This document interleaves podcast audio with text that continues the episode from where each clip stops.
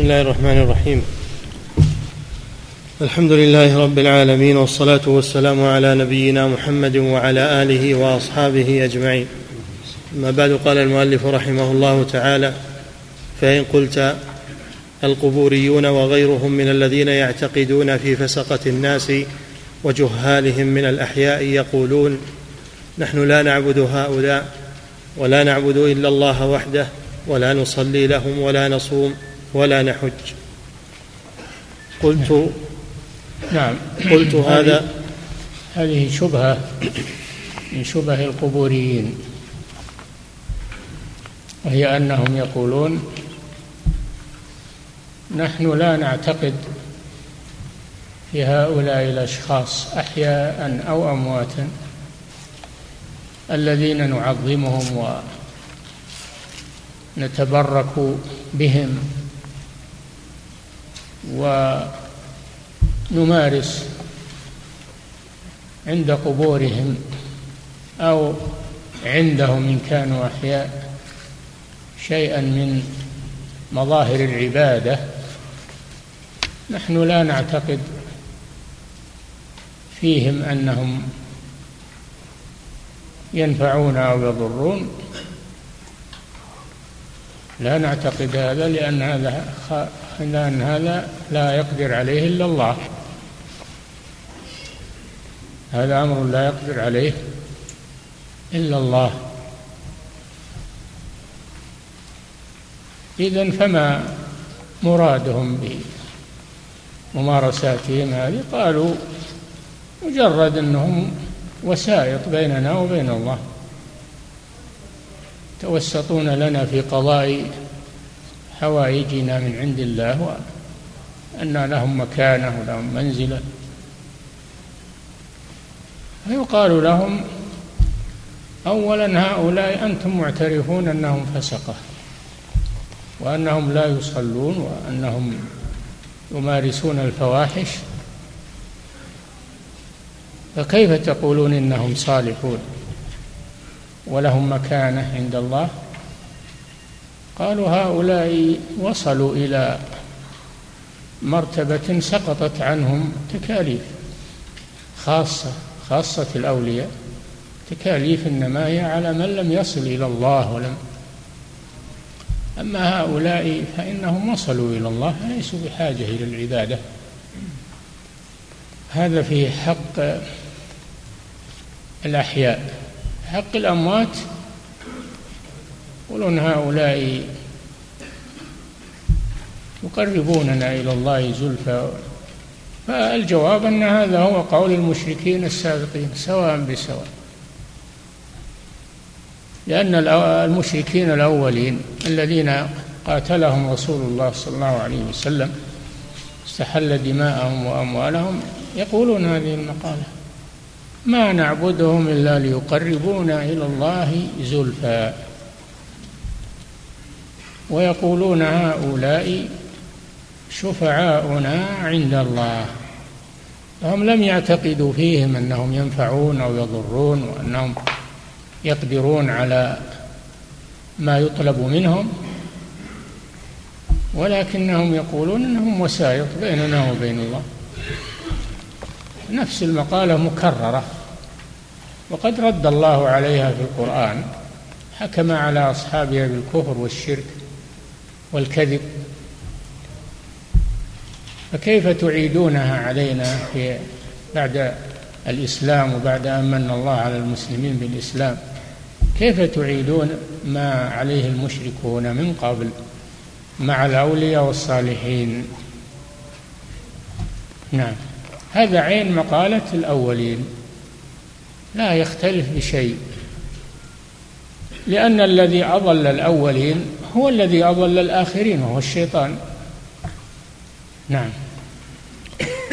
فإن قلت القبوريون وغيرهم من الذين يعتقدون في فسقة الناس وجهالهم من الأحياء يقولون نحن لا نعبد هؤلاء ولا نعبد إلا الله وحده ولا نصلي لهم ولا نصوم ولا نحج. قلت هذا جهل بمعنى العبادة.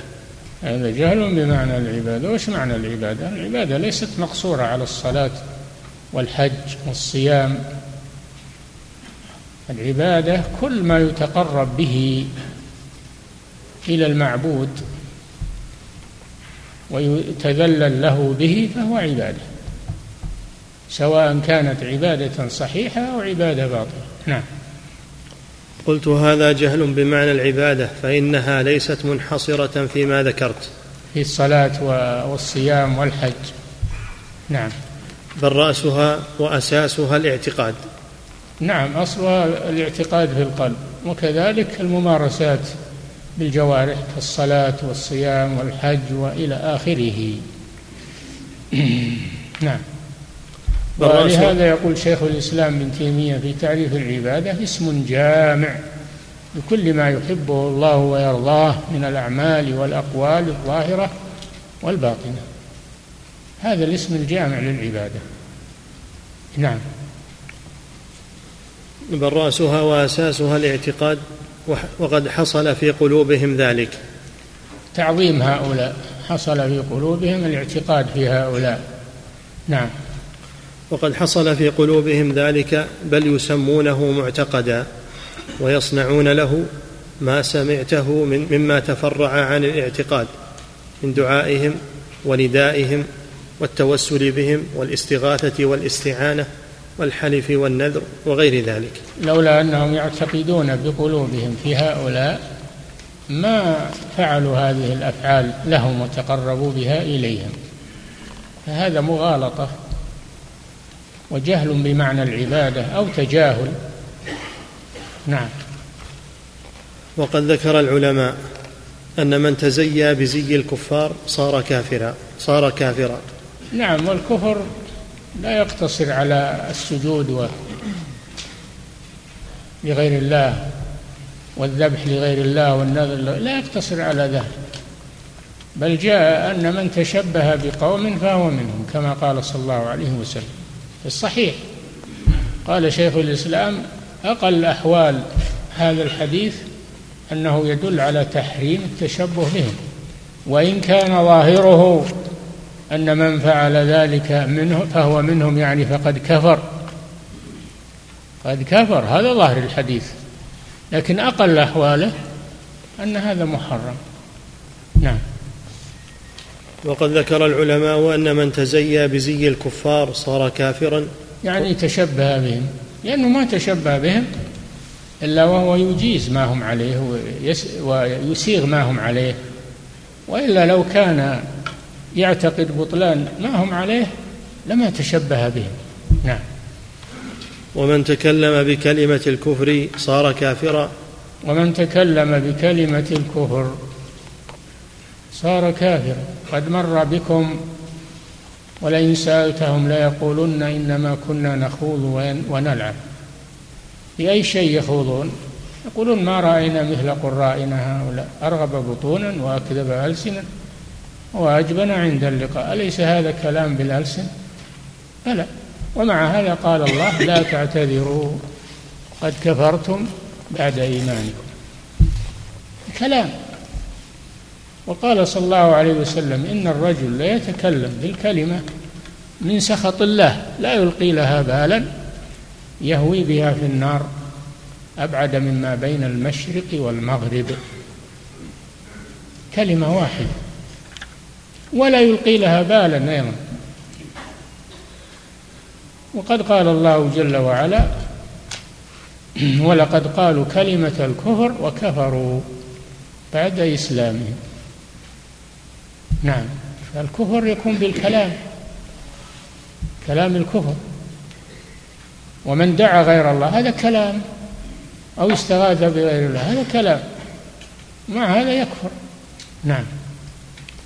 وقد ذكر العلماء أن من تزيى بزي الكفار صار كافرا ومن تكلم بكلمة الكفر صار كافرا. فكيف بمن بلغ هذه الرتبة اعتقادا كيف بمن لم يقتصر على الكلمة الكفرية؟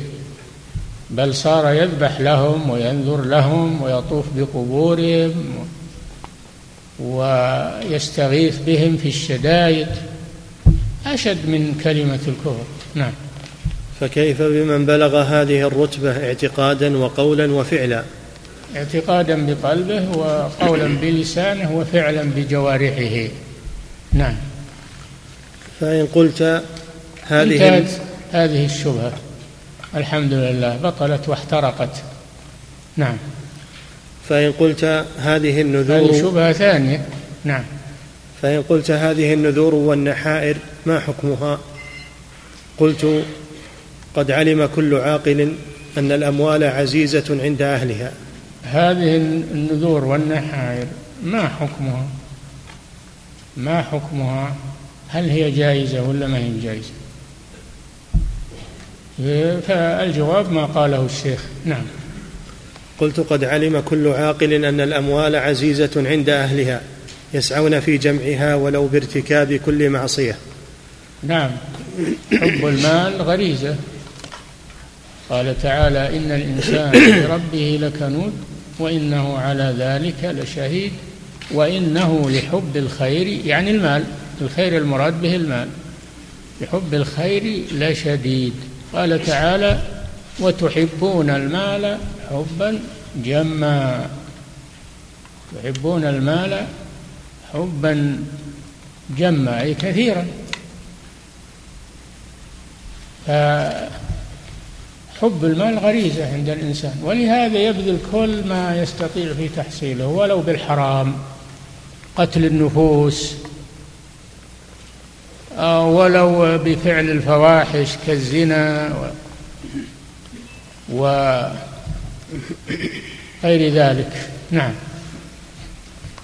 يسعون في جمعها ولو بارتكاب كل معصية ويقطعون الفيافي من أدنى الأرض والأقاصي. ويتعبون أنفسهم يتعرضون للأخطار في الاسفار البعيده طلبا للمال. نعم. فلا يبذل أحد من ماله شيئا إلا معتقد إلا معتقدا لجلب نفع أكثر لا منه. يبذل أحد شيئا من ماله نذرا أو ذبحا أو غير ذلك عند القبور إلا وهو يعتقد فيها. كيف يبذل شيء هو أنفس شيء عنده وأحب شيء إليه والذي تعب في تحصيله ويرخص عنده إلا لاعتقاد في قلبه. نعم. فلا يبذل أحد من ماله شيئا إلا معتقدا لجلب نفع أكثر منه أو دفع ضرر. نعم.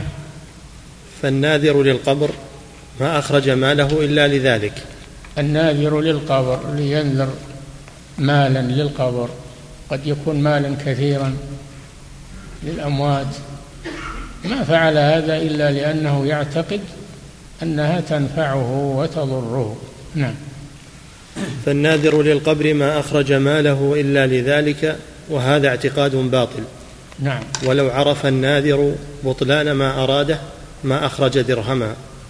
لو عرف الناذر أن ما يفعله باطل ما ضيع ماله الذي هو أنفس شيء وأغلى شيء عنده. نعم. ولو عرف الناذر بطلان ما أراده ما أخرج درهما فإن الأموال عزيزة عند أهلها. الأموال عزيزة عند أهلها. ولذلك يتقاتلون عليها. نعم. فإن الأموال عزيزة عند أهلها. قال الله تعالى ولا يسألكم أموالكم إن يسألكموها فيحفكم تبخلوا ويخرج أضغانكم. نعم ولا يسألكم أموالكم. الله لا يسأل أموالنا كلها إنما أمرنا بالتصدق بشيء منها ولو قليلا. والزكاة سهم يسير في الأموال ربع العشر نصف العشر.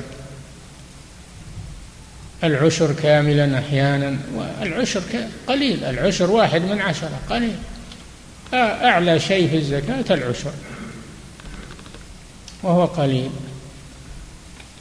ولو أن الله طلب منا أن نخرج من أموالنا كلها لبخلنا بها ولا يسألكم أموالكم إن يسألكموها فيحفكم تبخلوا ويخرج أضغانكم المال عزيز عند الإنسان نعم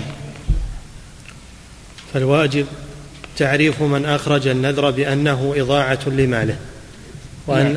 نعم. وأنه لا ينفعه ما يخرجه ولا يدفع عنه ضررا الواجب على العالم أن يبين للناذر لغير الله أنه قد ضيع ماله وأشرك بالله وعصى ربه في ذلك. هذا الواجب على العلماء. نعم. الواجب. فالواجب تعريف من أخرج النذر بأنه إضاعة لماله وأنه لا ينفعه ما يخرجه ولا يدفع عنه ضررا. ولهذا قال صلى الله عليه وسلم إن النذر لا يأتي بخير. ما هو بيدفع ضرر ولا يجلب خير؟ وإنما يستخرج به من البخيل الذي ما ينشط على العبادة إلا بنذر. هذا بخيل. نعم. ولا ينشط على الصدقة إلا بنذر. هذا بخيل. نعم. وأنه لا ينفعه ما يخرجه ولا يدفع عنه ضررا. وقد قال النبي صلى الله عليه وسلم إن النذر لا يأتي بخير وإنما يستخرج به من البخيل. البخيل الذي لا يتصدق إلا إذا نذر.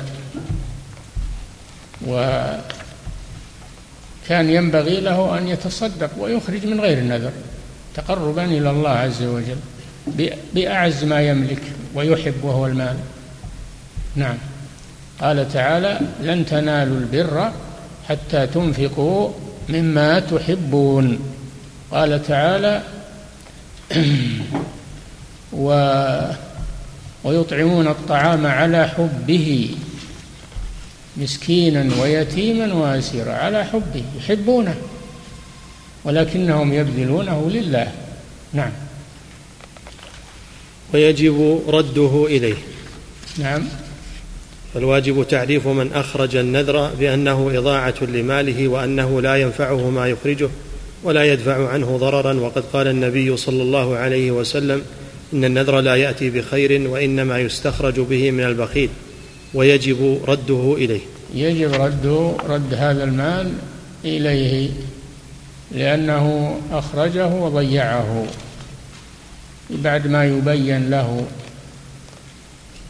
لكن الواقع عكس هذا وهو أن النذور يجعل له صناديق واستقبال وجباية عند بعض البلاد آه، فهم يساعدونهم ويوهمونهم إن هذا مشروع وإن هذا فيه نفع وإن هذا يقولون الولي تقبل نذرك. ما شاء الله تقبل نذرك. نعم. وهم, وهم اللي تقبلوها الميت ما درى عنها ولا يرضى بها وإنما هم الذين تقبلوها وفرحوا بها. نعم. وأما القابض للنذر فإنه حرام عليه قبضه. إي نعم لكنهم يقبضونها يجعلون لها صناديق وإيرادات ويقبضونها ويشجعون عليها المساكين ويقولون لهم تقبلت نذوركم تقبلت نذوركم ويهنئونهم بهذا هنيئا لكم إلى آخره. نعم.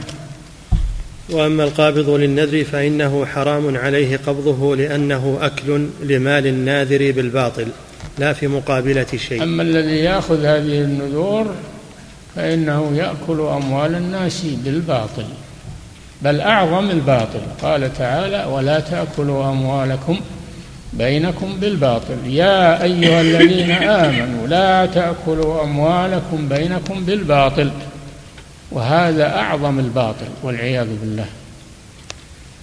نعم. وقد قال الله تعالى ولا تأكلوا أموالكم بينكم بالباطل. يعني بغير حق. بغير حق. إلا أن تكون تجارة عن تراض منكم. نعم. ولأنه تقرير الناذر على شركه. ولأن أولا أن هذا أكل للمال الحرام. والثاني وهو أشد أن هذا تشجيع للناذر على شركه وإقرار له على شركه. نعم. ولأنه تقرير للناذر على شركه وقبح اعتقاده. نعم. ورضاه بذلك. ولا يخفى حكم الراضي بالشرك. لا يخفى حكم الراضي بالمنكر. أي منكر؟ فكيف بالراضي بالشرك والعياذ بالله؟ يكون حكمه حكم المشرك. من رضي بالشرك فهو مشرك. نعم ولا يسلم إلا من أنكره ورده. لا يجوز السكوت عن هذه الأمور. يجب بيانها للناس. ما أهلك الناس إلا سكوت العلماء. ما أهلك الأمم إلا سكوت العلماء. نعم. ولذلك إذا تكلم الدعاة إلى الله عز وجل فإنهم يقومون في وجوههم ويسبونهم ويشتمونهم ويقولون أنتم خوارج وأنتم وهابية وأنتم وأنتم. نعم. ولا يخفى حكم الراضي بالشرك إن الله لا يغفر أن يشرك به. الآية. إن الله لا يغفر مع أن الله غفور رحيم. لكنه لا يغفر لا يغفر. إن الله لا يغفر أن يشرك به. فالشرك لا يغفر. إذا قيل لك ما هو الذنب الذي لا يغفر تقول الشرك. قال الله تعالى إن الله لا يغفر أن يشرك به. من مات عليه فإن الله لا يرضى عنه. وهذا حتى يتناول الشرك الأصغر. لا يرضى إن الله لا يغفر أن يشرك به. ما أما بقية الذنوب التي دون الشرك فإنها تحت مشيئة الله. إن شاء الله غفر لها غفرها وإن شاء عذب بها ثم يخرج صاحبها إلى الجنة ولا يخلد في النار. هذا ما كان دون الشرك وهو من الكبائر. أما ما كان من الصغائر فإن الله يغفره بمكفرات كثيرة. نعم. فهو مثل حلوان الكاهن ومهر البغي. النبي صلى الله عليه وسلم نهى عن ثمن الكلب. الكلب لا يجوز بيعه ولا أكل ثمنه. وحلوان الكاهن وهو الذي يدعي علم الغيب. وحلوانه يعني أجرته. ومهر البغي وهي الزانية. هذه الأمور نهى عنها الرسول صلى الله عليه وسلم لأنها مكاسب محرمة وهي مأخوذة في مقابلة المعاصي والكبائر. نعم. ولأنه تدليس على الناذر وإيهام له أن الولي ينفعه ويضره. وكما سبق أن هذا رضا بعمل الناذر وإقرار, وإقرار له وإيهام له أن هذا ينفعه أو يضره. إيهام له. نعم. فأي تقرير لمنكر أعظم من قبض النذر على الميت؟ أي تقرير يعني إقرار على منكر أعظم من قبض النذر على الميت. مع أنه أبطل الباطل. فهذا إقرار على أعظم المنكرات. نعم. وأي تدليس أعظم وأي رضا بالمعصية العظمى أبلغ من هذا؟ وأي غش وأي تدليس وإخفاء للعيب أعظم من هذا التدليس. نعم. وأي تصيير لمنكر معروفا أعجب من هذا. نعم يجعلون هذا معروفا. يجعلونه معروفا يشجعون عليه ويثنون على أصحابه. أن عندهم محبة لأولياء الله وعندهم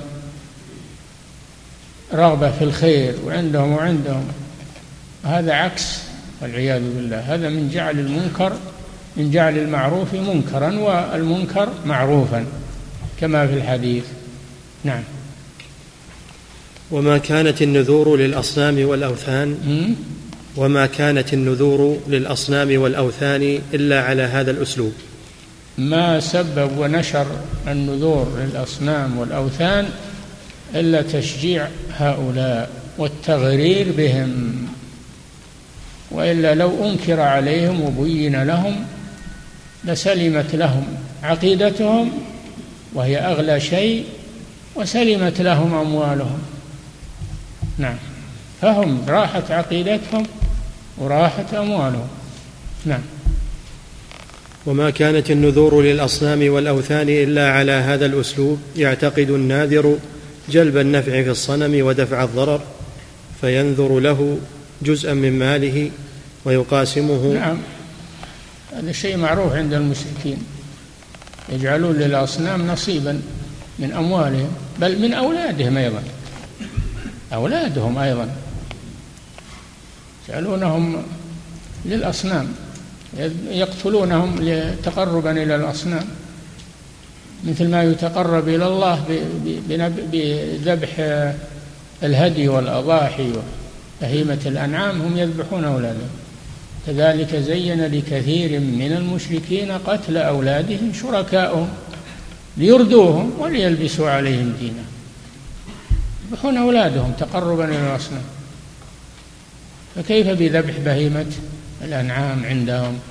يسيبون السوائب والبحائر للأصنام. ما جعل الله من بحيرة ولا سائبة ولا وصيلة ولا حام. هذه أنواع من الأنعام يجعلونها للأصنام.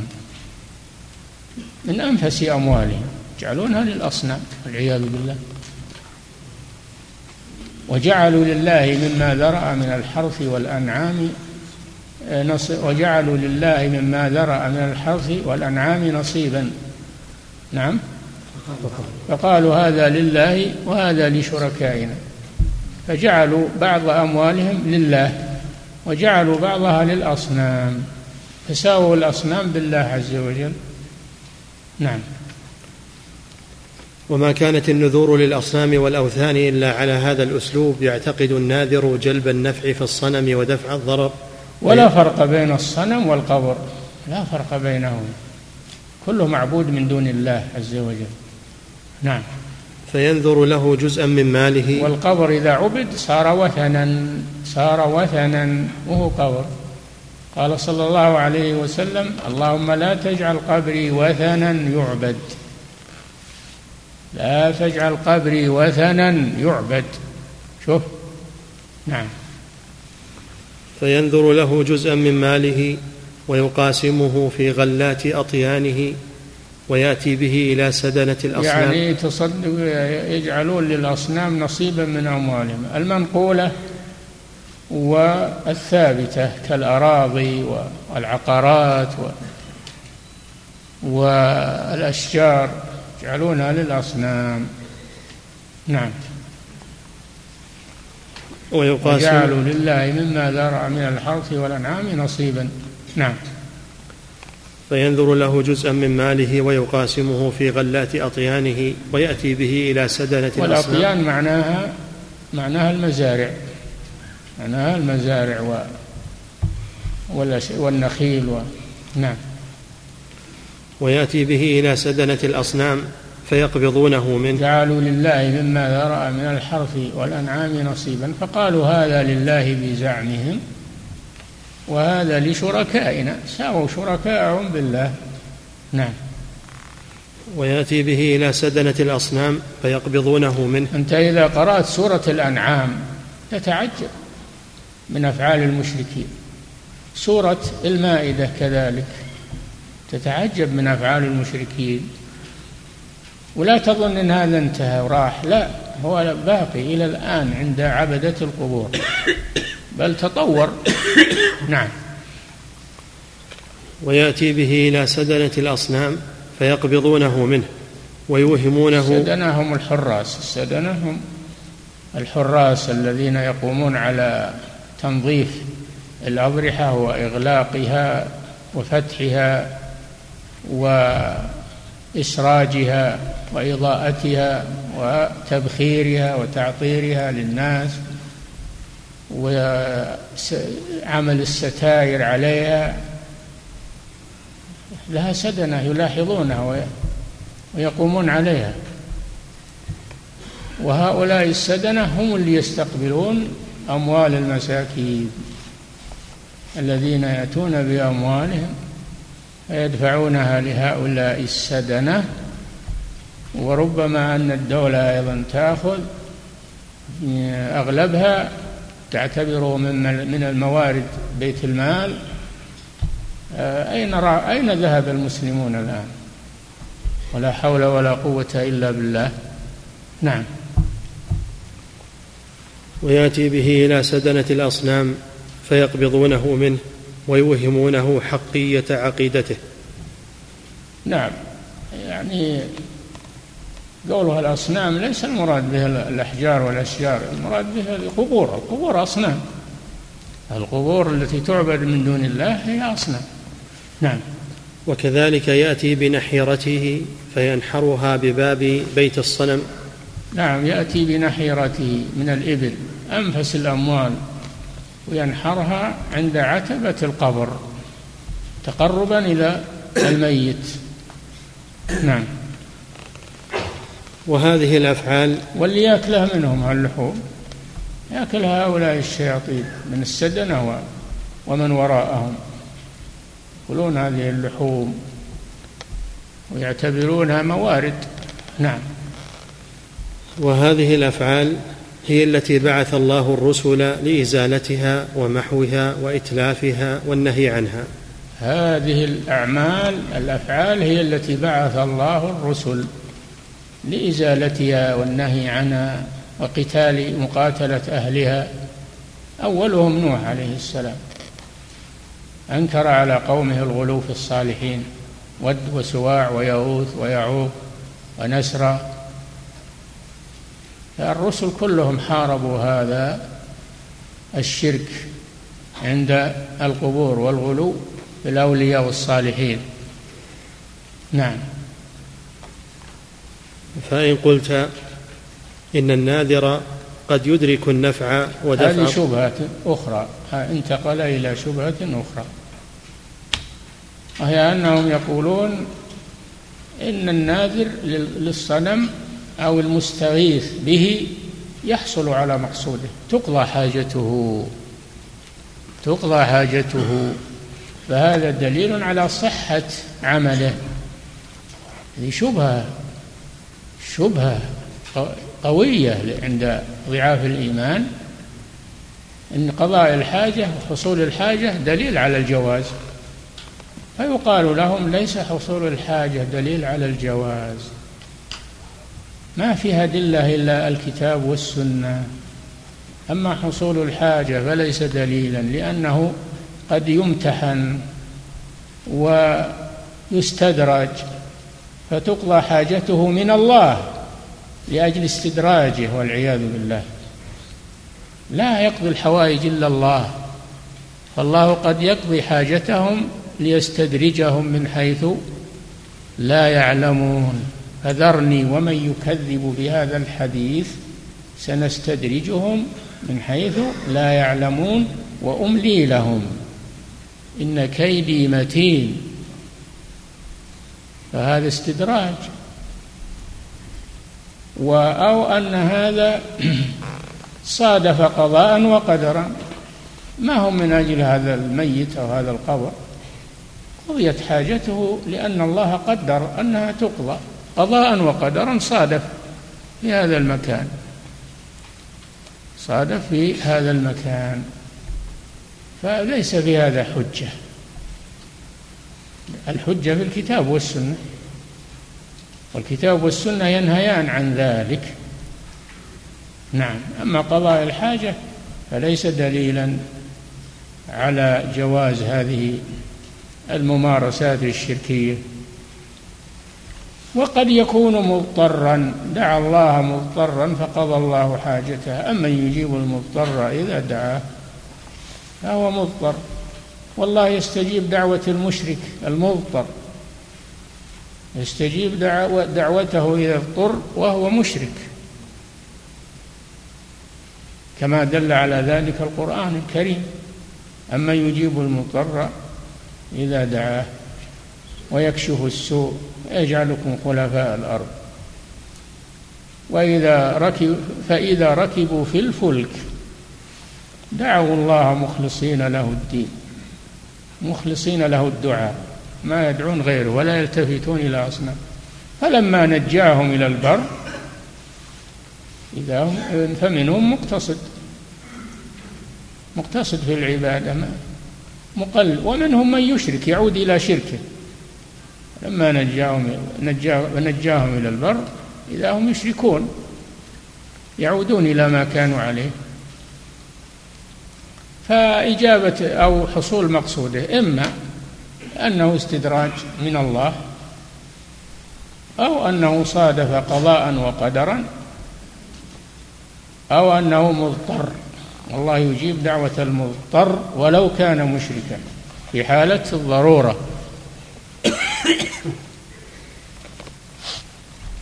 في حالة الضرورة. هو الذي يسيركم في البر والبحر.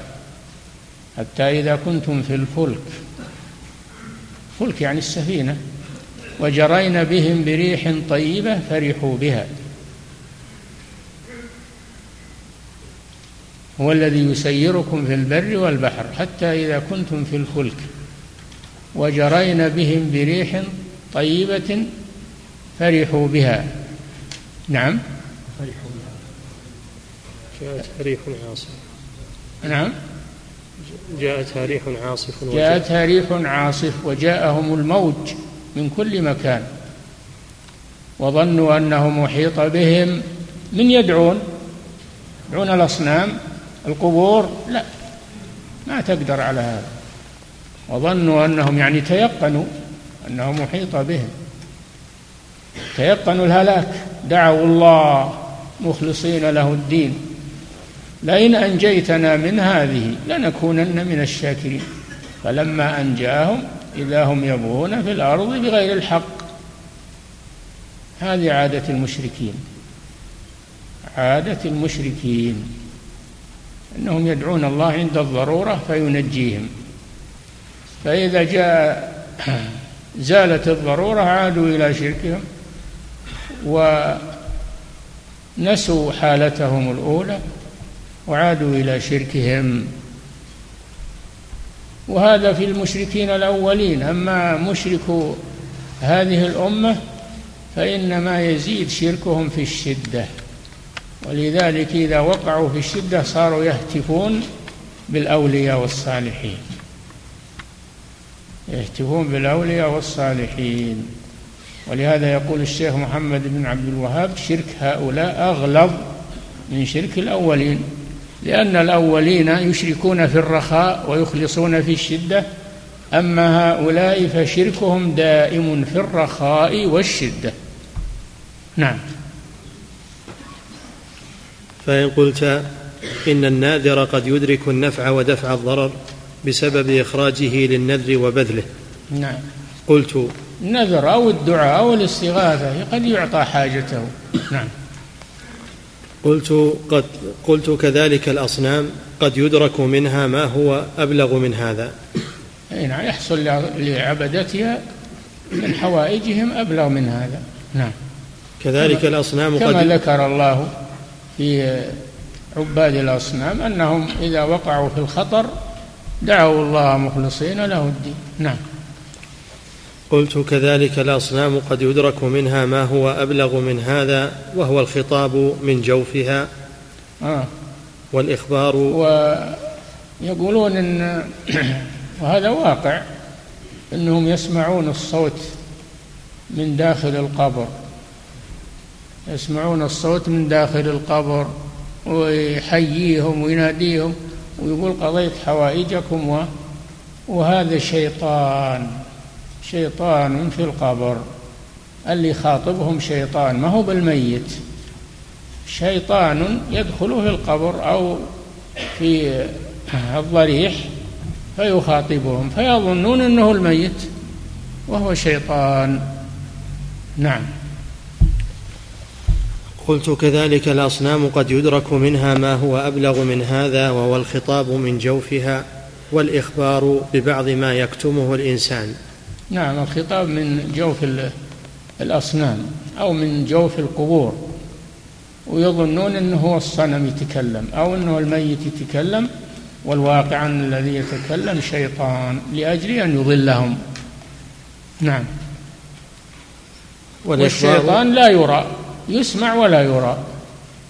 إنه يراكم هو وقبيله من حيث لا ترونه ويقدر على أشياء ما يقدر عليها الإنس. يقدر على أشياء ما يقدر عليها الإنس. فهو هو الذي يقود هؤلاء باسم الميت أو باسم الولي. نعم. وهذا أخطر هذا هذه الشبهة أخطر عندهم. نعم. وهو الخطاب من جوفها والإخبار ببعض ما يكتمه الإنسان. ولهذا لما جاء أرسل النبي صلى الله عليه وسلم بعد لما فتح مكة أرسل خالد بن الوليد لهدم العزة عند عرفات وهي صنم قريش. وأرسل أبا موسى أرسل المغيرة بن شعبة وأبي سفيان إلى اللات في الطائف ليهدماها. وأرسل علي بن أبي طالب لهدم منات. فأما خالد بن الوليد فلما جاء إلى العزة وجد عندها عجوزا نافشة شعرها تدعو بالويل والثبور. مش هالعجوز هذه؟ شيطان. فعلاها بالسيف وفلق هامتها وهدم هدم العزى. فدل على أن الشياطين تحضر عند هذه الأصنام أو هذه الأضرحة. نعم. وهو الخطاب من جوفها. قتلها رضي الله عنه ويقول يا عزى كفرانك لا سبحانك إني رأيت الله قد أهانك. نعم. وهو الخطاب من جوفها والإخبار ببعض ما لما أخبر النبي صلى الله عليه وسلم بهذه العجوز وما فعل بها قال تلك العزى.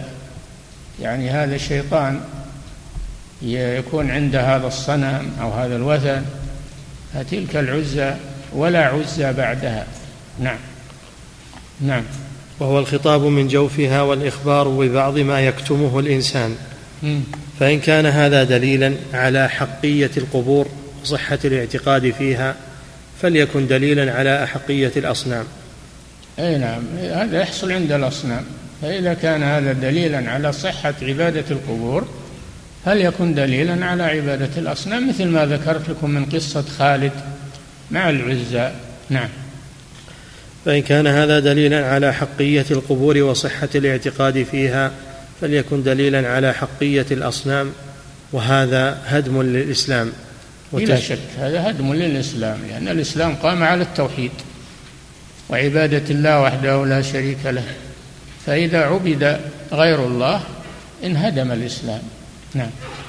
وهذا هدم للإسلام وتشييد لأركان الأصنام.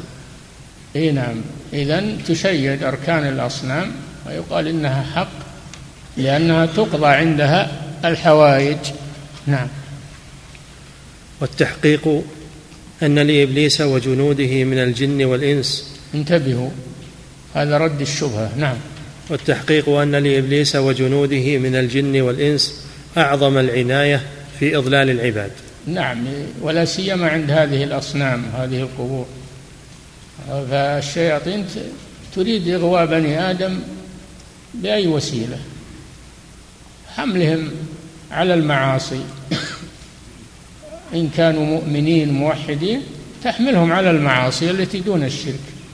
وإن كانوا مشركين تشجعهم على الشرك. فهي لا تفتى مع بني آدم. كما ذكر إمامهم وقائدهم إبليس ثم لآتينهم من بين أيديهم ومن خلفهم وعن أيمانهم وعن شمائلهم ولا تجد أكثرهم شاكرين. فهو يأتي من كل طريق. نعم. والتحقيق أن لإبليس وجنوده من الجن والإنس أعظم العناية في إضلال العباد وقد مكن الله. له جنود حتى من الإنس. إبليس له جنود حتى من الإنس. دعاة الضلال هم من جنود إبليس من الإنس. والله جل وعلا يقول شياطين الإنس والجن. جعل للإنس شياطين كما أن للجن شياطين. وشيطان الإنس أخطر من شيطان الجن. يقول لأنك إذا ذكرت الله طار شيطان الجن. ما ما يقابل ذكر الله. أما إذا ذكرت الله عند شيطان الإنس هو يذكر الله عشرين مرة أكثر منك. ويذكر الله عشرين مرة أكثر منك ويسبح ويهلل. فهذه خطورته. نعم. والتحقيق أن لإبليس وجنوده من الجن والإنس أعظم العناية في إضلال العباد وقد مكن الله إبليس من الدخول في الأبدان والوسوسة في الصدور والتقام القلب بخرطومه. نعم إبليس أعطاه الله من القدرة أنه يطير في الهواء وأنه يلاطف الإنسان ويدخل فيه يتكلم على لسانه ويدخل في الأصنام وفي القبور وهو لا يرى يتكلم. نعم. فكذلك يدخل أجواف الأصنام. ويلقي آه. الكلام. إذا كان يدخل في ابن آدم ويوسوس له فكيف لا يدخل في أجواف الأصنام؟ نعم وفي غرف الأضرحة. نعم. وكذلك يدخل أجواف الأصنام ويلقي الكلام في أسماع الأقوام. ومثله ومثله يصنعه في عقائد القبوريين. نعم. فإن الله تعالى قد أذن له أن يجلب بخيله ورجله على بني آدم. إذنا قدريا ما هو إذن شرعي أذن له. فقال اذهب فمن تبعك منهم فإن جهنم جزاؤكم جزاء موفورا واستفزز من استطعت منهم بصوتك. قالوا صوته الغنى. واستفزز من استطعت منهم بصوتك وأجلب عليهم بخيلك ورجلك وشاركهم في الأموال والأولاد وعدهم وما يعدهم الشيطان إلا غرورا. ثم قال جل وعلا إن عبادي ليس لك إن عبادي ليس لك ليس لك عليهم سلطان وكفى بربك وكيلا. فعباد الله المخلصون الذين وحدوه واخلصوا له العبادة ما يستطيع الشيطان يقرب منهم ولا ولا يجتمع معهم. ولهذا كان عمر رضي الله عنه إذا مشى في طريق لا يمشي معه الشيطان ولا يلاقيه يلاقي عمر في هذا الطريق يحترق بنوره. فالمخلصون لا يستطيع الشيطان إنه يلبس عليهم أو إنه يختلط بهم أو إنه يداخلهم لأن الله حماهم. إلا عبادك منهم المخلصين. إن عبادي ليس لك عليهم سلطان. حماهم الله سبحانه وتعالى. إنما يسلط الله الشياطين على هؤلاء القبوريين وهؤلاء الضلال. نعم. فإن الله تعالى قد أذن له أن يجلب بخيله ورجله على هذا إذن كوني قدري لا إذن شرعي. نعم. فإن الله تعالى قد أذن له أن يجلب بخيله ورجله على بني آدم وأن يشاركهم في الأموال والأولاد. وأن يعدهم وما يعدهم الشيطان إلا غرورا. يعدهم ويمنيهم وما يعدهم الشيطان إلا غرورا. نعم. وثبت في الأحاديث أن الشيطان يسترق السمع بالأمر الذي يحدثه الله. نعم ثبت في الأحاديث أيضا أن من أعمال الشياطين أنها تسترق السمع. السمع يعني الوحي. وما يقضيه الله في السماء وتتحدث به الملائكة في السماء الشيطان يحاول الاستماع للملائكة لكن الشهب تقذفه. وقد وقد يتمكن من سماع الكلمة الواحدة واحدة كلمة واحدة قبل أن يدركه الشهاب فيلقيها إلى الكاهن. الكاهن يكذب معها مئة, مئة كذبة. كلمة واحدة حق يكذب معها مئة كذبة لأجل لبس الحق بالباطل. نعم. وثبت بالأحاديث أن الشيطان يسترق السمع بالأمر الذي يحدثه الله.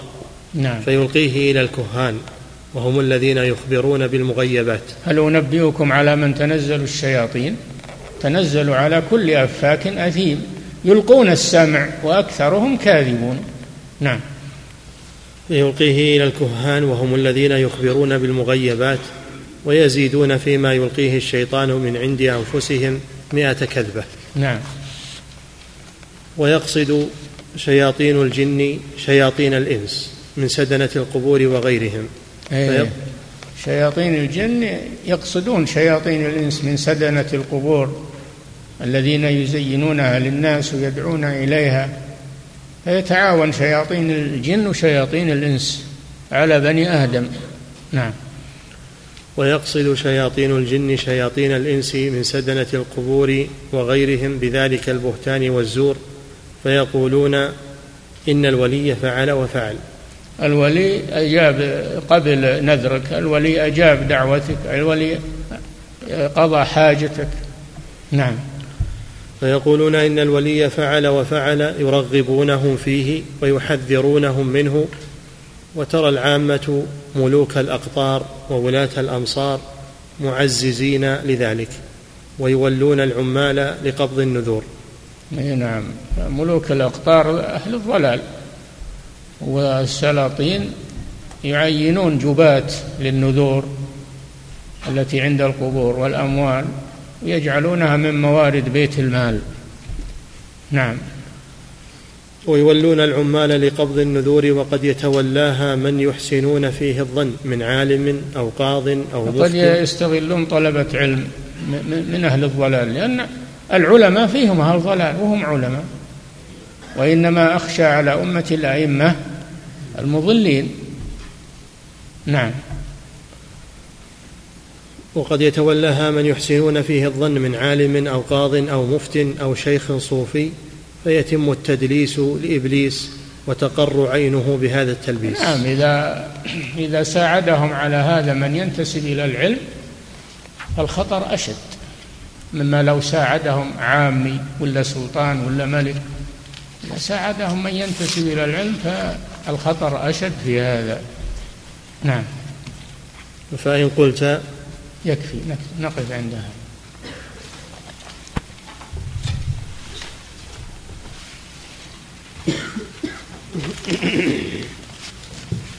نعم. يقول فضيلة الشيخ وفقكم الله. يقول هل الشرك من المفسدات في المجتمع المسلم؟ وهل هو مفتاح وهل هو مفتاح للفرقة والتناحر؟ بلا شك أن الشرك مفسد للمجتمع المسلم. ما ما يصلح المجتمع المسلم إلا التوحيد. إذا صار فيه مشركون حصل الخلاف وحصل الشقاق والنزاع وتفرق المجتمع وتفرقت الكلمة. فأعظم ما يفسد المجتمعات هو الشرك. نعم. يقول فضيلة الشيخ وفقكم الله. هل يقولون لا تد... لا تنهون عن الشرك لا تطرون العقائد لا تعرضون لعقائد الناس لا تذكرون التوحيد تنفرون الناس. وهم دعاة ينتسبون للدعوة. ويقولون التوحيد لا لا تذكروه أبدا. ينفر الناس. أجل وش ندعوهم إليه؟ صرنا ما ندعوهم للتوحيد. وش ندعوهم إليه؟ ما بقي شيء. فيجب التنبه لهذا. نعم. يقول فضيلة الشيخ وفقكم الله قرأت لأحد الدعاة كلاما قال فيه إن اختلاف الناس في عقائدهم قضية أقرها القرآن الكريم. نعوذ بالله. فقلت إن هذا كفر فهل أنا مصيب فيما قلته نعم. اللي يقول إن القرآن يقر الشرك ويقر الكفر هذا لا شك في ردته والعياذ بالله. الشيطان أنكر الشرك وأمر بقتال المشركين. أنكر الكفر وأمر بقتال الكفار.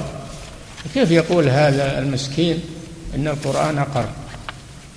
إن كان قصده أن هذا موجود ويوجد يوجد لكنه باطل. والقرآن ما أقره ولو وجد فالقرآن ينهى عنه. القرآن ينهى عنه ولو وجد. نعم. فهذا إما جاهل مركب مع الأسف أنه ينتسب للدعوة وإما أنه ضال مضل والعياذ بالله. نعم. يقول فضيلة الشيخ وفقكم الله يقول السائل نحن في بلادنا في بلاد أفريقيا نعم. يقول نحن يوجد في بلادنا في بلاد أفريقيا يوجد بعض القبوريين الذين بعض القبوريين كثير من القبوريين. نعم. الذين يتوسطون عند الموتى ويدعونهم وهم ليسوا بمعرفة صحيحة للإسلام.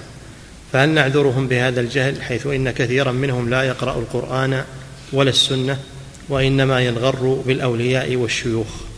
لماذا يعرض عن القرآن؟ وهو يسمع القرآن ويعرض عنه يبقى على ما هو عليه.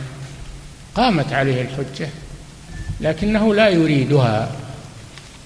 من بلغه القرآن وهو عربي قامت عليه الحجة لينذركم به وأوحي إلي هذا القرآن لينذركم به ومن بلغ.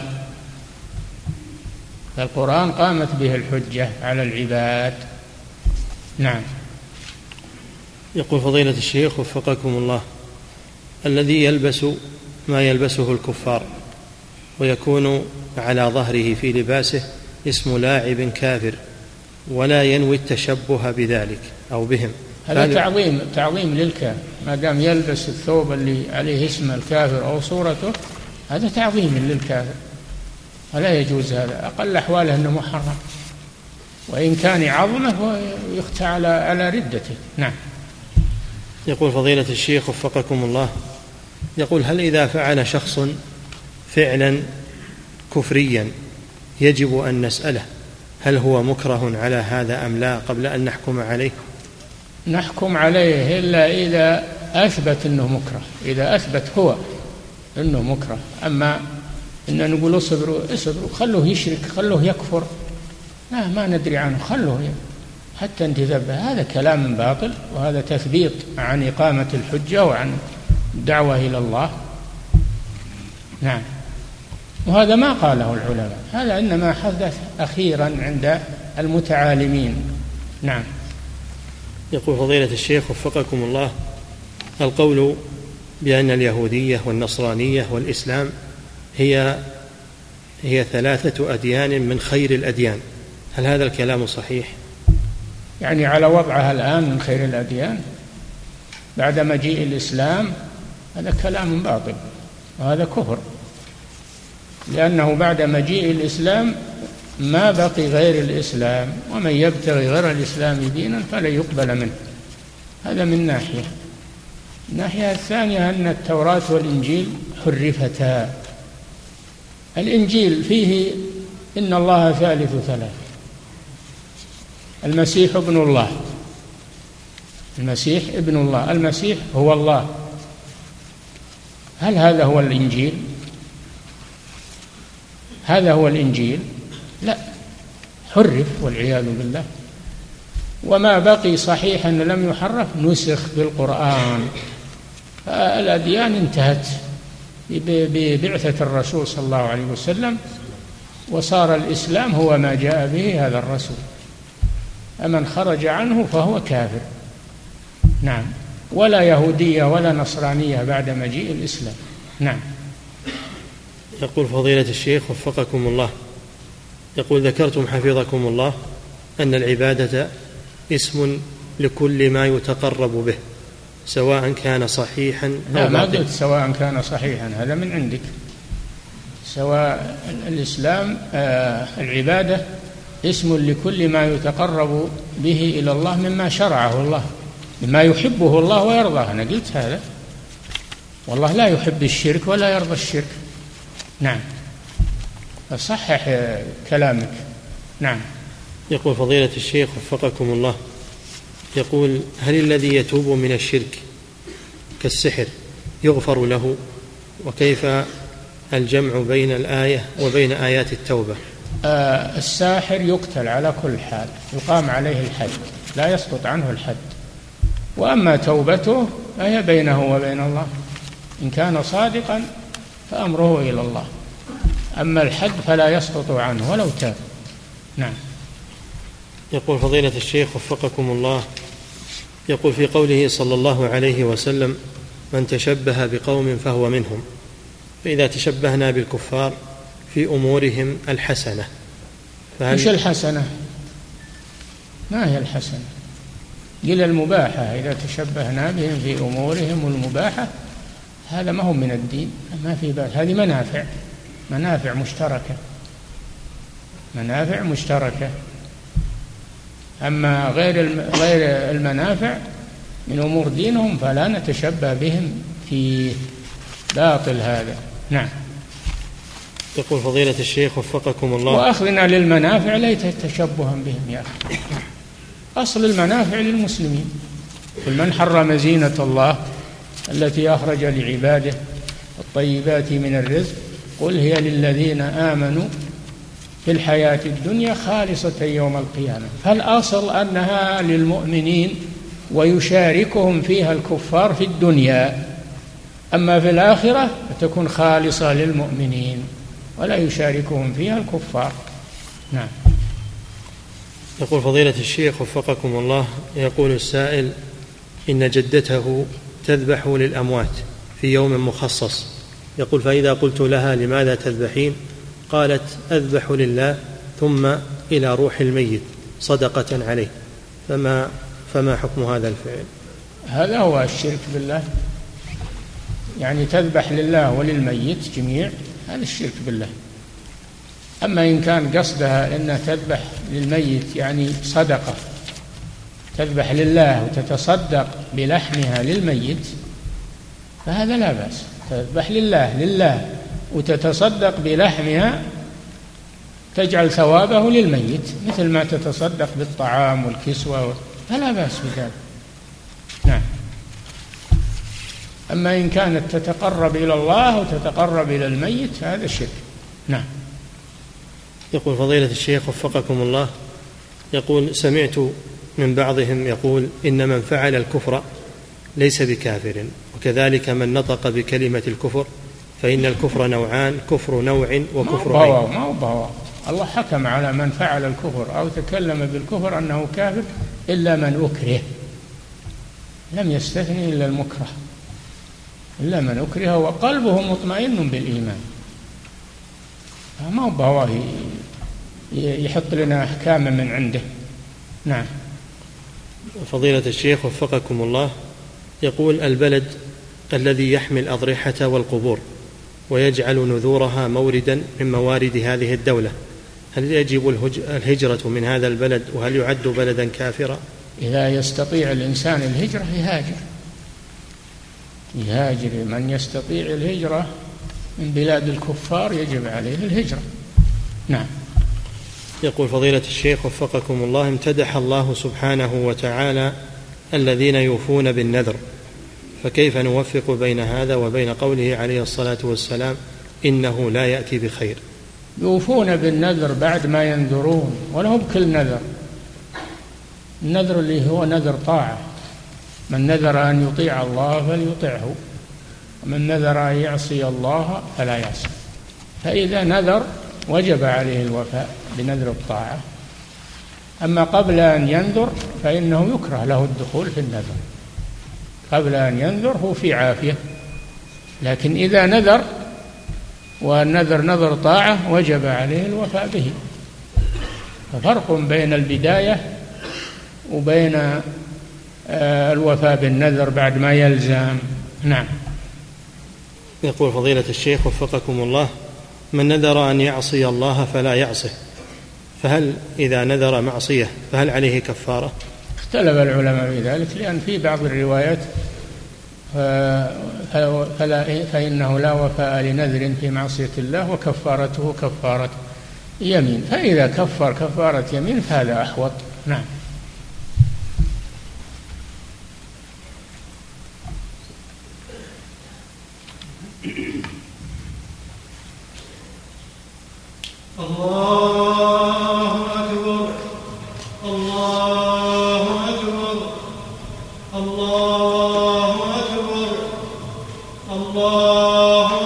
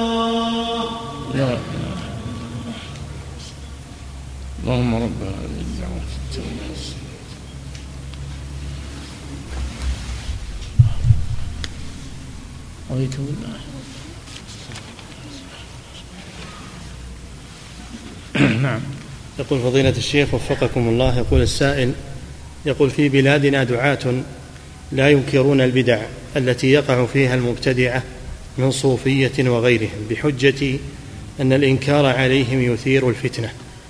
فما فما هذا هو الفتنة. عدم الإنكار عليهم هو الفتنة. فكيف الإنكار يثير الفتنة؟ الإنكار هو الذي يزيل الفتنة بإذن الله. نعم. يقول فضيلة الشيخ وفقكم الله يقول ما موقفنا من الصحف في هذا الوقت التي تقوم بشن حرب على المتدينين وعلى الاستهزاء بالدين؟ وهل من كلمة في ذلك وتوجيه؟ واجبنا اللي يستطيع الرد يرد ويبين يبين الشبهات التي يذكرونها والذي لا يستطيع الرد يكرهها بقلبه ويبتعد عنها. وأما أنهم يستهزئون بنا ويقولون الحمد لله هذا من صالحنا.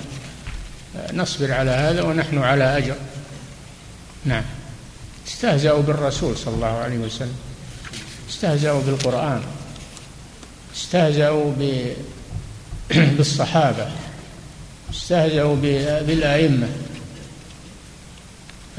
هذا ما يضر أبدا إنما يضرون أنفسهم لا يضرون المسلمين. نعم. يقول فضيلة الشيخ وفقكم الله.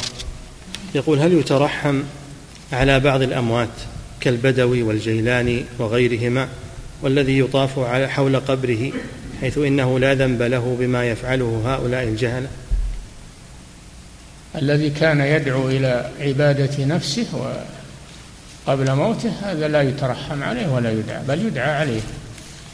وأما الذي كان رجلا صالحا مستقيما ولم يدعو إلى عبادة نفسه وإنما فعلوا هذا به بعد موته فهذا يستغفر له ويدعى. مثل عبد القادر الجيلاني هذا من الصالحين من الأئمة. وما أمر الناس أنهم يدعونه وأنهم فإذا كان أنه أمر الناس بعبادته فهذا من الطواغيت من أنواع الطواغيت من دعا الناس إلى عبادة نفسه. وأما من كان ينكر هذا في حياته ف ولما مات فعلوا معه هذا هم فعلوا هذا مع مع مع الأنبياء ومع الصالحين ومع وهم ينكرون عليهم. نعم. يقول فضيلة الشيخ وفقكم الله يقول ما حكم دخول الكنائس والصلاة فيها الصلاة الشرعية وهل يجوز دخول أماكن العبادة بالنسبة لغير النصارى وذلك لاستشعار نعمة الإسلام؟ نعم تجوز الصلاة في الكنائس إذا كانت أرضها طاهرة وليس فيها صور, صور الصليب ليس فيها صور الصليب يصلى فيها. طاهرة وليس فيها صلبان يصلى فيها.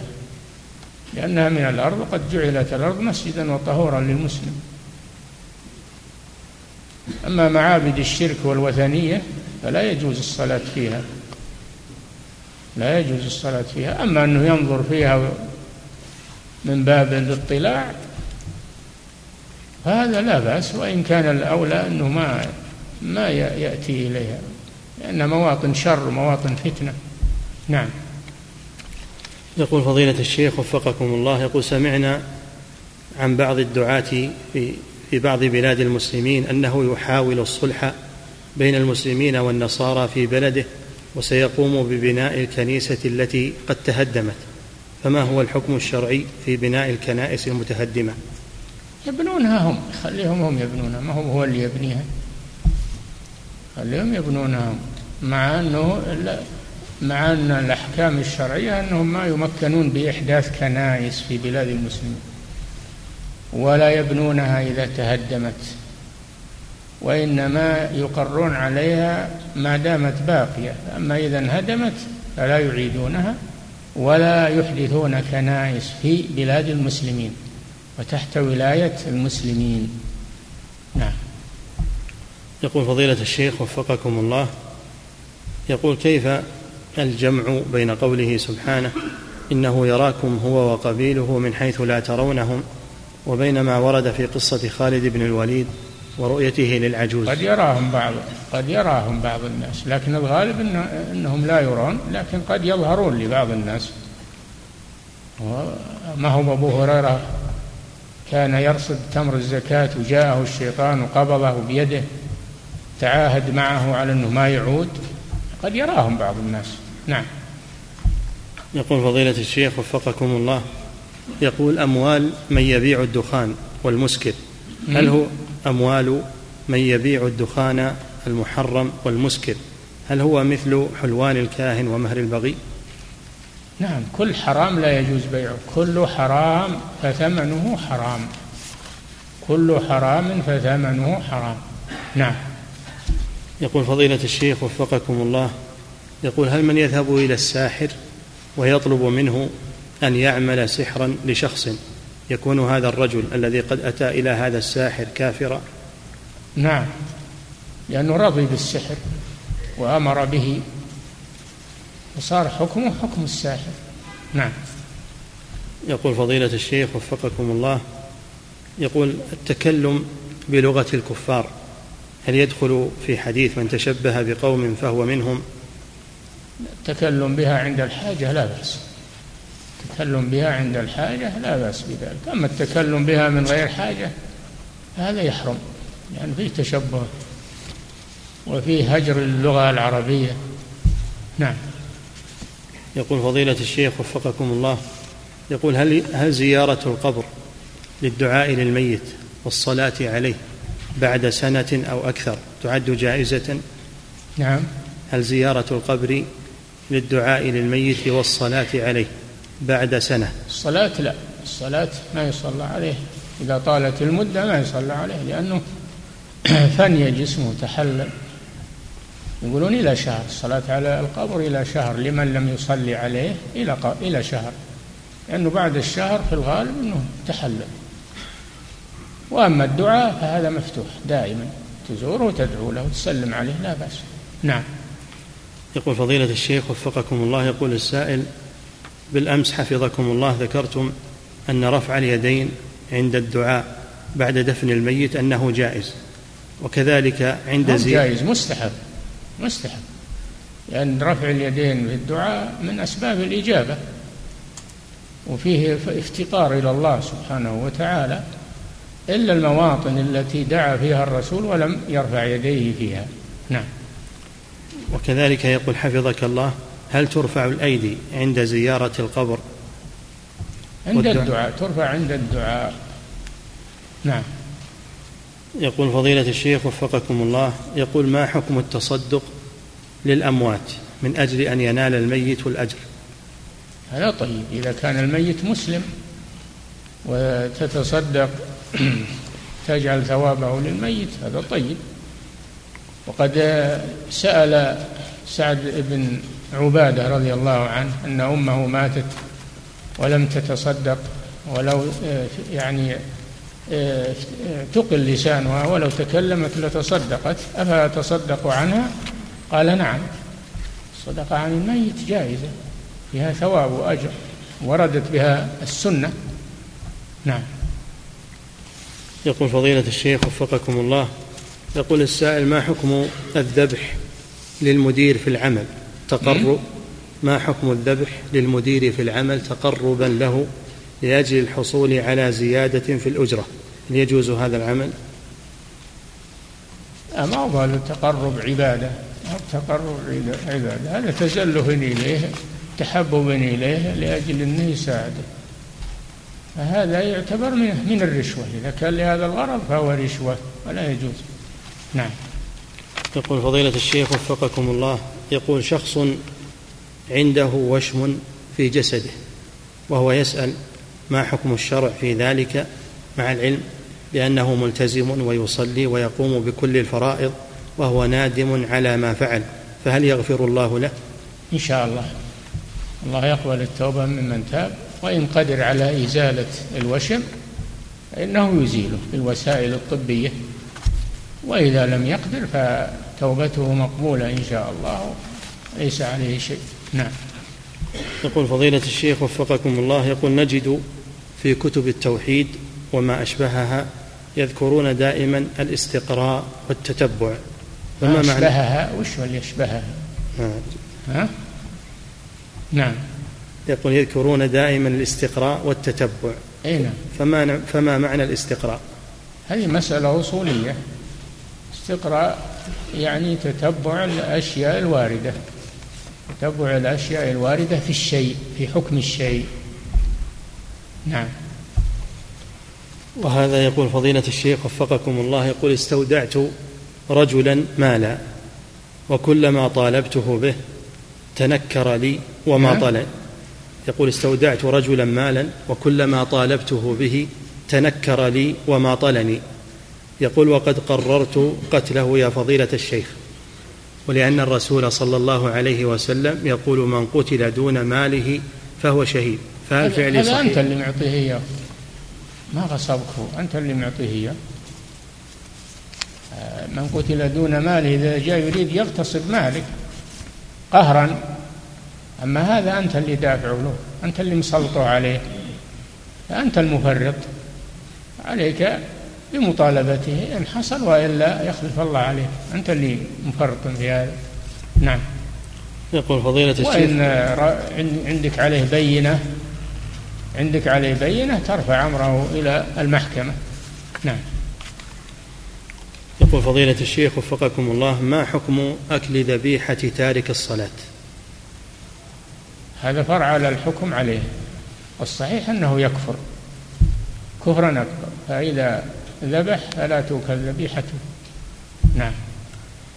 يقول فضيلة الشيخ وفقكم الله يقول السائل نحن نسكن في عمارة وعددنا كثير والمسجد في العمارة نفسها فإذا نزل مطر فإنه لا يصيبنا منه أدنى شيء فهل يجوز لنا الجمع في هذه الحال؟ نعم إذا جمع أهل البلد تجمعون معهم. يقولون حتى من صلى في بيته يجمع مثل ما يجمع الناس لعموم الرخصة. وترك الجمع هو مباح ما هو ما هو سنة ولا ولا في هجر إنما هو مباح لإزالة المشقة. فإن أخذتم به فلا بأس وإن تركتموه فلا بأس. نعم. يقول فضيلة الشيخ وفقكم الله في قول الرسول صلى الله عليه وسلم عن الصحابي أعني على نفسك بكثرة السجود. هل المقصود إطالة السجود أما المقصود وهل كثرة كثرة السجود. ما قال بإطالة السجود. كثرة السجود يعني في الطاعة والعبادة. نعم. يقول حفظك الله وهل من أكثر من السجود تكون له هذه المزية أم هو خاص بهذا الصحابي؟ لا ما هو خاص. ما هو خاص بهذا الصحابي. فالمسلم يكثر من السجود تطوعا وصلاة نوافل بعد الفرائض. نعم. انتهى. الله تعالى أعلم وصلى الله وسلم على نبينا محمد وعلى آله وصحبه.